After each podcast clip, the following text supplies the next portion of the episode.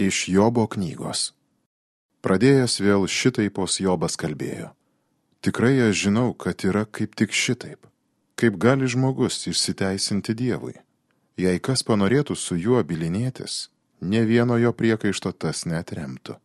Jis toks išmintingas, taip baisiai galingas, kas priešintus jam tas galvos neišneštų. Jis perkelia kalnus, o tie nepajunta, kad smarkiai iširdęs juos kulveršia varto.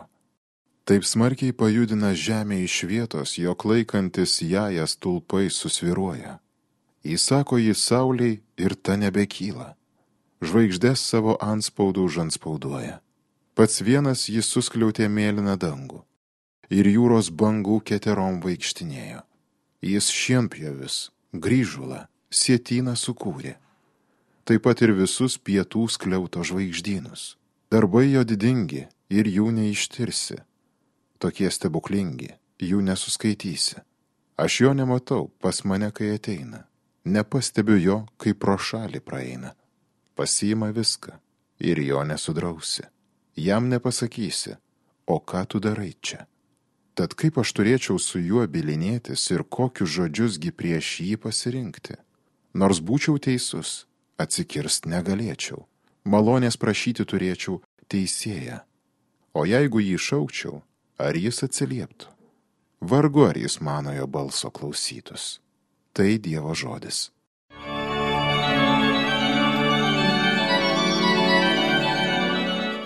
Mano malda tave viešpatėte pasiekia. Šaukiuosi kasdien tavęs viešpatie, rankas į tave tiesdamas. Argi darai stebuklus tiems, kurie mirė? Argi palaidoti kelias ir tave garbina? Mano malda tave viešpatėte pasiekia. Argi kapuos, kas beliaupsina tavo gerumą, tavo ištikimybę, vėlių karalijoj? Argi tamsybėse besireiškia tavo stebuklai, tavo malonė, toje šalyje užmirštųjų? Mano malda tave viešpatėte pasiekia. Alleluja.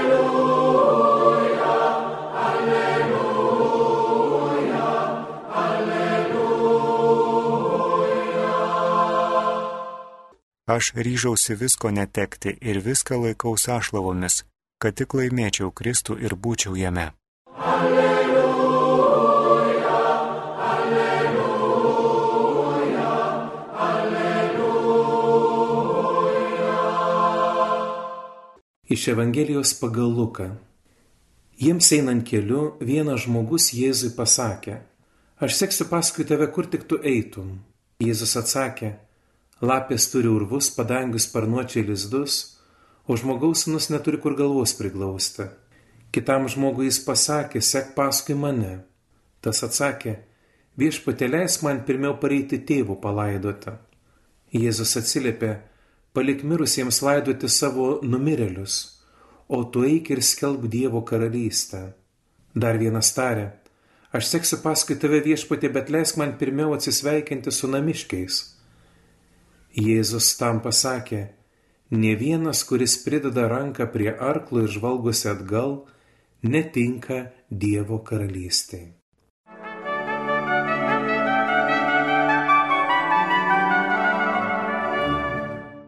Šiandienės Evangelijos mūsų Jėzus keliaujantis. Įdomu pastebėti tai, kad evangelistas Lukas Jėzaus kelionėms aprašyti skiria net dešimt skyrių. Šių kelionių metu mes matome mūsų išganytojų įvairiose situacijose ir išbandymuose. Pradžioje Jėzus sutinkamas labai entuziastingai, bet pabaiga, kaip mes jau žinome, mūsų viešpaties labai dramatiška. Ir dabartinėme pasaulyje evangelinė žinia negali būti uždaryta zakristijų ar namų lentynuose. Ji turi keliauti kartu su mumis. Priešingų atveju ji taps dar viena muziejinė seniena, kurią apžiūrinės ateities kartos kaip kokia iškasena. Jei atkreipsime dėmesį, Jėzaus veikla prasideda Galilėjoje ir baigėsi Jeruzalėje. Jėzus nuolat kelyje. Ir bažnyčios misija yra keliauti. Ir mūsų visų misija keliauti, būti nuolatinėme judesyje, o dar tiksliau pasakyčiau, leisti šventai dvasiai nuolat mus judinti.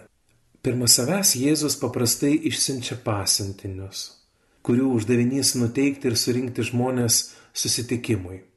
Daug dalykų priklauso nuo pasiruošimo. Juk dažnai sakoma, gera pradžia yra pusė darbo, tačiau, kaip mes ir pastebime, ir mokiniams ne visada pasisekdavo. O mums ar sekasi?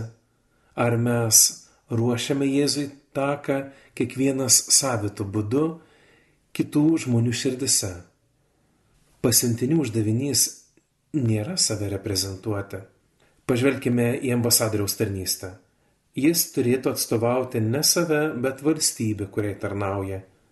Kartais pasitaiko, kad mes tikintieji, tiek kunigai, tiek ir jūs pasauliečiai, labai įsiveliame į visokias smulkmenas ar debatus, kuriuose Jėzui ir Jėzaus reikalams nebelieka vietos ten lieka tik tai mūsų ambicijos, emocijos, karts nuo karto gražbiliavimai įvairūs, kartais tai taip suvargusiai atrodo, tikras sudegusio teatro nevykęs spektaklis. Taigi Jėzui mes paruošti kelią galime arba gerai, arba blogai. Kai kuriuose mūsų liudijimuose ir prezentacijose gali atsispindėti net fanatizmo elementai ir kitokie su krikščioniška doktrina nesidarinami dalykai. Tad būkime atidus. Šiandieną mūsų gėdimuose keliuose Evangelijos eilutėse sakytume trys pašaukimai sekti Jėzumi. Trys žmonės, kurie nori sekti Jėzumi ir atkreipkime dėmesį, kaip Jėzus šitame susitikime su jais elgesi, ką jis jiems atsako. Taigi eikime prie pirmojo. Pirmasis sako, aš seksiu paskui tave, kur tik tu eitum. Skamba labai entuziastingai ir pakiliai. O ką Jėzus atsako? Lapės turi urvus, padangius sparnuočiai lizdus, o žmogaus sunus neturi kur galvos priglausta. Ką viešpats šiam žmogui ir tuo pačiu mums šiuo išsiriškimu nori pasakyti? Juk Dievo žodis, kai mes jo klausomės, visada mus kalbina. Jėzus tarytum norėtų pasakyti, jei seksi mane, gali neturėti patogaus gyvenimo. Sekimas viešpačiu reikalauja įvairiose situacijose net radikalumo, o tai neduoda nei patogumo, nei saugumo. Jėzus mus kviečia neįsivaizduoti, kad sekame juo, bet sekti juo. Taigi pirmiausia, Jėzus tiek į sekusiems, tiek ir mums šiandieną nepatikė jokių iliuzinių projektų ar pažadų susijusių su mūsų gyvenimo gerbuviu, komfortu bei saugumu. Taip dažnai būti ištikimu viešpačiui gali šio pasaulio akimis pasirodyti labai keista. Eikime prie antrojo. Pats Jėzus jį paragina, sako, sek paskui mane. Tas paprašė, leisk man pirmiau pareiti tėvo palaidoti. Jėzus atsakė, palik mirusiems laidoti savo numirėlius, o tu eik ir skelb Dievo karalystę. Jėzus pats pakviečia, pats pasibeldžia, bet pakviestasis nori pirmiau tėvą palaidoti. Manau, kad ne tik semitų tautoms, bet daugelį tautų yra šventa pareiga laidoti tėvus. Žydų tradicijoje tai labai svarbi pareiga, kuri netgi nuo šabo pažeidimo atleidžia Ir tas, kuris nepalaidoja savo tėvų, žydų akimis yra prakeiktas. Bet šioje vietoje Jėzus nesiekia mūsų priešinti su tradicijomis ar kokiamis nors pareigomis. Ne. Šiuose eilutėse viešpats sako, kad sėkimą juo nereikia atidėlioti. Būtent atidėlioti. Gal nekarta ir mums teko girdėti iš savo artimų ir pažįstamų, kurie sakė, Na, pradėsiu tikėti, melstis, lankyti bažnyčią, kai anos darbus padarysiu, galbūt kai pensiją išeisiu ir panašiai. Ir ką? Kai kurie net tos pensijos nesulaukia, o kai kuriems pensininkams ir 24 viešpaties duotų valandų yra per mažai savo pensininkiškas svajonės ar iliuzijas patenkinti. Man ateina į galvą toks vienas prisiminimas vienam Afrikoje gyvenusiam jaunuoliui. Jam buvo pasiūlyta stipendija studijuoti Londone viename iš universitetų. Bet šis jaunuolis pasakė, gal kai tėvo palaidosiu, tada, na, žinot, tuo metu jo tėvai buvo 44 metai. Ironiškai skamba, bet vargu, kai tėtis numirs, ar jam bereikės studijuoti. Taip yra ir su viešpačiu mūsų. Jo kvietimą išgirdę esame kviečiami sekti, netidėlioti. Eikime prie trečiojo. Dar vienas tarė, aš seksiu paskui tave viešpati, bet leisk man pirmiau atsisveikinti su namiškiais.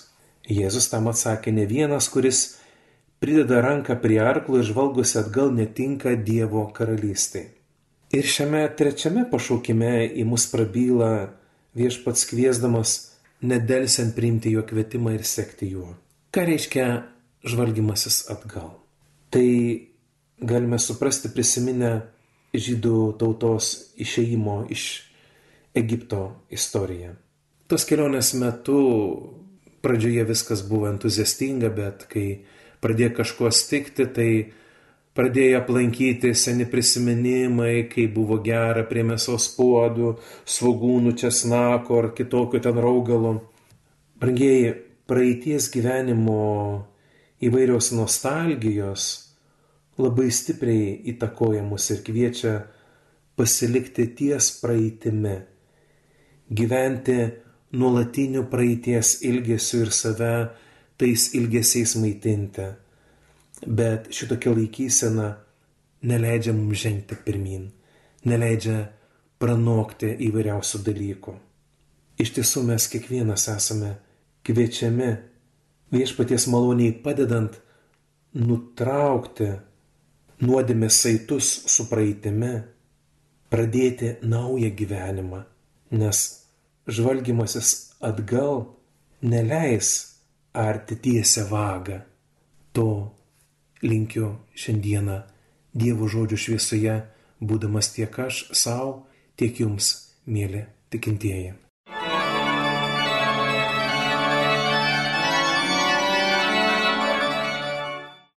Homilija sakė kunigas Rolandas Karpavičius.